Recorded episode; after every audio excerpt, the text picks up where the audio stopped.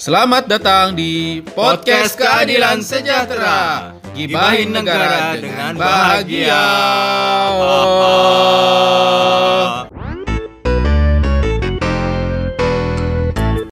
Assalamualaikum warahmatullahi wabarakatuh. Apa kabar? Apa kabar saudara-saudara se-Indonesia dan juga bagi teman-teman yang ada di luar negeri. Nah, kali ini kita akan uh, dari Humas DPP PKS akan sampaikan berita-berita terbaru dari PKS dan apa saja bisa kita lihat. Pertama, tentu yang masih hangat adalah soal Wagub DKI Jakarta ini semakin viral bagaimana calon dari PKS Bang Anjah atau Nurman Sahlubis semakin dikenal masyarakat. Namun kita tahu bahwa pemilihnya adalah 106 anggota DPRD DKI Jakarta nanti pada sidang paripurna khusus untuk pemilihan wakil gubernur. Presiden PKS yang mampir ke warung kopi beliau di kawasan Bendungan Hilir Jakarta Pusat menyatakan uh, Pak Muhammad Sabil Iman atau Kang Muhammad Sabil Iman menilai kiprah Norman Salubis uh, benar-benar mendukung untuk menjadi wakil gubernur DKI Jakarta. Menurut Sohibul Iman, Bang Ancah memiliki rekam jejak panjang sebagai auditor, baik di pemerintahan maupun swasta, dan juga dua periode menjadi anggota DPRD DKI Jakarta, sehingga sangat paham terkait pembuatan anggaran. Nah inilah memang isu-isu yang cukup uh, kental di Jakarta, di mana beberapa masalah anggaran bisa menjadi sandungan bagi pemerintahan uh, Gubernur Anies Baswedan jika tidak dipelototi dengan baik dan dipersiapkan dengan baik oleh pemerintahan gubernur dan diharapkan Bang Ancah mengisi posisi tersebut. Nah, menurut Kang Saibul Iman tentang profesi baristanya Bang Ancah, uh, beliau mengatakan bahwa profesi ini memang butuh ketekunan dan juga uh, detail ya hal-hal yang detail. Nah ini membuat dia semakin yakin bahwa Bang Ancah ini menjadi wakil gubernur akan menjadi wagub yang mantap karena keahliannya mendukung terutama dalam detail pembuatan program dan anggaran. Nah, bagaimana perkembangan terbarunya? Konon kabarnya ada Sandiaga Uno meminta Partai Gerindra memperjuangkan calon satunya lagi yaitu Mas Ariza Patria. Nah, ini tentu berbeda dengan perkataan-perkataan sebelumnya bahwa end of question katanya bahwa Wagub adalah jatah PKS. Nah, memang kata teman yang namanya istiqomah itu susah ya. Yang mudah tuh istirahat. Oke, balik eh, kita bergerak ke berita berikutnya. PKS eh, menolak subsidi gas melon dan ini eh, rupanya didengarkan oleh pemerintah dan PKS paling keras menolak pencabutan subsidi untuk gas melon dan ternyata ini pemerintah setuju dan menurut Ketua Fraksi PKS DPR RI Jazuli ini menyebut bahwa fraksi PKS DPR RI menjadi fraksi yang paling memang menentang uh, pengaturan ulang skema subsidi gas LPG 3 kg ya bahasanya sih pengaturan ulang skema subsidi gas padahal sih naik maksudnya. Nah, ini tentu mempersulit ya masyarakat uh, yang miskin atau menjelang miskin gitu untuk mendapatkan gas terjangkau apalagi uh, ada masalah nih dalam akurasi data uh, di mana masyarakat tidak mampu mungkin yang dimiliki pemerintah sebenarnya jumlahnya lebih kecil daripada yang sebenarnya ada di lapangan. Oleh karena itu Hal ini terus disampaikan oleh anggota uh, fraksi PKS di DPR RI dan akhirnya menurut kabar bahwa dalam sebuah rapat kerja Komisi 7 DPR RI secara tegas tertulis juga dalam kesimpulan rapat bahwa pemerintah setuju untuk tidak mencabut subsidi gas melon 3 kg. Alhamdulillah. Mudah-mudahan ini menjadi catatan perjuangan PKS, catatan kebaikan bagi anggota-anggota fraksi PKS DPR RI dan seluruhnya tentunya kader-kader PKS.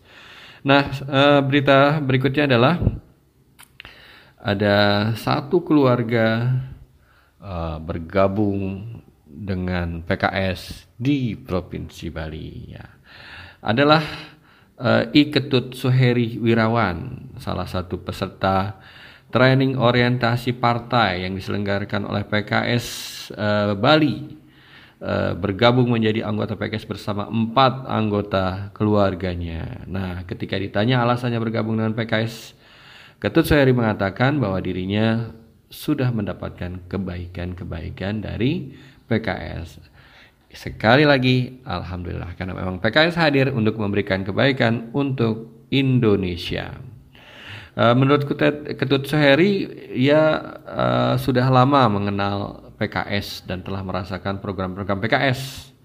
Dan dia juga merasa nyaman dan tidak ada masalah.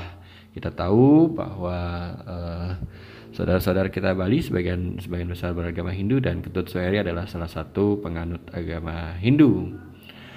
Kita sekarang bergerak ke berita yang uh, sempat kita uh, sampaikan pekan kemarin, yaitu uh, soal sertifikasi halal. Nah, anggota DPR RI Komisi 6 Ibu Nevi Zairina yang turut pada panja perdagangan DPR RI akan menolak penghapuskan penghapusan sertifikasi halal di RUU Omnibus Law tentang cipta lapangan kerja. Ini masih ramai. Kemarin juga ada demo dari para buruh tentang uh, ya omnibus RUU Omnibus Law ini yang menentang Omnibus Law tentu dari aspek lainnya. Nah, kembali bahwa Ibu Nevi menyatakan bahwa Indonesia ini yang mayoritas penduduknya muslim uh, mencapai 229,6 juta jiwa ya kurang lebih uh, penduduk muslim di Indonesia berarti ini adalah negara dengan uh, penduduk muslim terbesar di dunia. Nah, sertifikat halal untuk makanan ini tentu sangat penting karena ini membawa spirit uh, bukan saja soal keamanan secara syariah tetapi juga spirit uh, makanan sehat, makanan aman, bergizi. Nah, ini juga karena memang di alam Islam kan diajarkan untuk memakan makanan yang halalan toyiban, halal juga, baik juga. Nah, kemudian dari Medan nih, kita mau lihat nih ada berita lagi dari acara training orientasi partai yang diselenggarakan oleh PKS Sumatera Utara. Uh, diadakan di Hotel Suci Medan pada minggu kemarin tanggal 19 Januari ada seribu warga kota Medan menyatakan bergabung dengan PKS. Nah, ini dikatakan oleh Ketua DPP PKS Sumatera Utara Haryanto LC di acara yang diselenggarakan di kota Medan bahwa bergabungnya seribu warga kota Medan ke PKS mengindikasikan Medan akan lebih baik. Nah, kita tahu juga bahwa Medan tahun ini juga akan menyelenggarakan pilkada di mana PKS tentu akan turut serta dalam uh, ajang perebutan jabatan wali kota Medan tersebut. Untuk kebaikan siapa tentu untuk kebaikan Medan, kebaikan Sumatera Utara dan kebaikan Indonesia. Ada berita Grace juga dari Jakarta, Grace juga dari Jakarta, di mana PKS mengadakan kunjungan balasan ke pimpinan Partai Nasdem dipimpin oleh Presiden PKS Sohibul Iman. Nah, ini uh, eh, PKS pada Rabu 29 Januari kemarin uh, mengunjungi kantor DPP Partai Nasdem di kawasan Gondang Dia Jakarta Pusat dan diterima langsung oleh Ketua Umum uh, Partai Nasdem yaitu Surya Paloh. Nah, Presiden didampingi oleh Sekjen, Bendung, dan sejumlah uh, jajaran pimpinan Partai Keadilan Sejahtera, uh, selain diterima oleh Ketua umumnya yaitu Bang, Bang Surya Paloh, juga ada Wakil Ketua umumnya, kemudian juga Sekjen dari Partai Nasdem, uh, uh, Pak Joni G. Plate ya, yang merupakan juga Menkom Info Republik Indonesia. Nah, uh, di situ yang namanya kunjungan balasan memang ini adalah bagian dari budaya di Indonesia di mana Kang Iman juga cerita bagaimana hal positif dari kunjungan Partai Nasdem sebelumnya ke kantor DPP PKS di TB Simatupang. Nah, ada yang waktu itu cukup viral yaitu pelukan kebangsaan. itu pelukan kebangsaan. Ini adalah uh, momen di mana Kang Sohibul Iman dan Bang Surya Paloh berpelukan Dan ini menurut uh, Kang Soebel ini seakan membongkar psychological barrier gitu. Apa tuh halangan psikologis uh, bagi para pengurus kedua partai untuk berkomunikasi dan hari ini uh, cukup masif di bawah di mana komunikasi antara para uh, politisi dan kader PKS dan Nasdem semakin erat di uh, tataran bawah. Kunjungan ini juga ya sempat ditanyakan soal Cawagup DKI Jakarta, namun tentu saja hal ini diserahkan kepada partai masing-masing, walaupun tentu PKS berharap Nasdem akan mendukung Cawagup PKS Nurmansyah Lubis. Ya, demikian saja hari ini kita sampaikan beberapa berita yang mudah-mudahan bermanfaat untuk Anda sambil Anda mendengarkannya di mobil atau di jalan atau di kereta, di busway atau di Trans Palembang yang di Palembang dan sebagainya.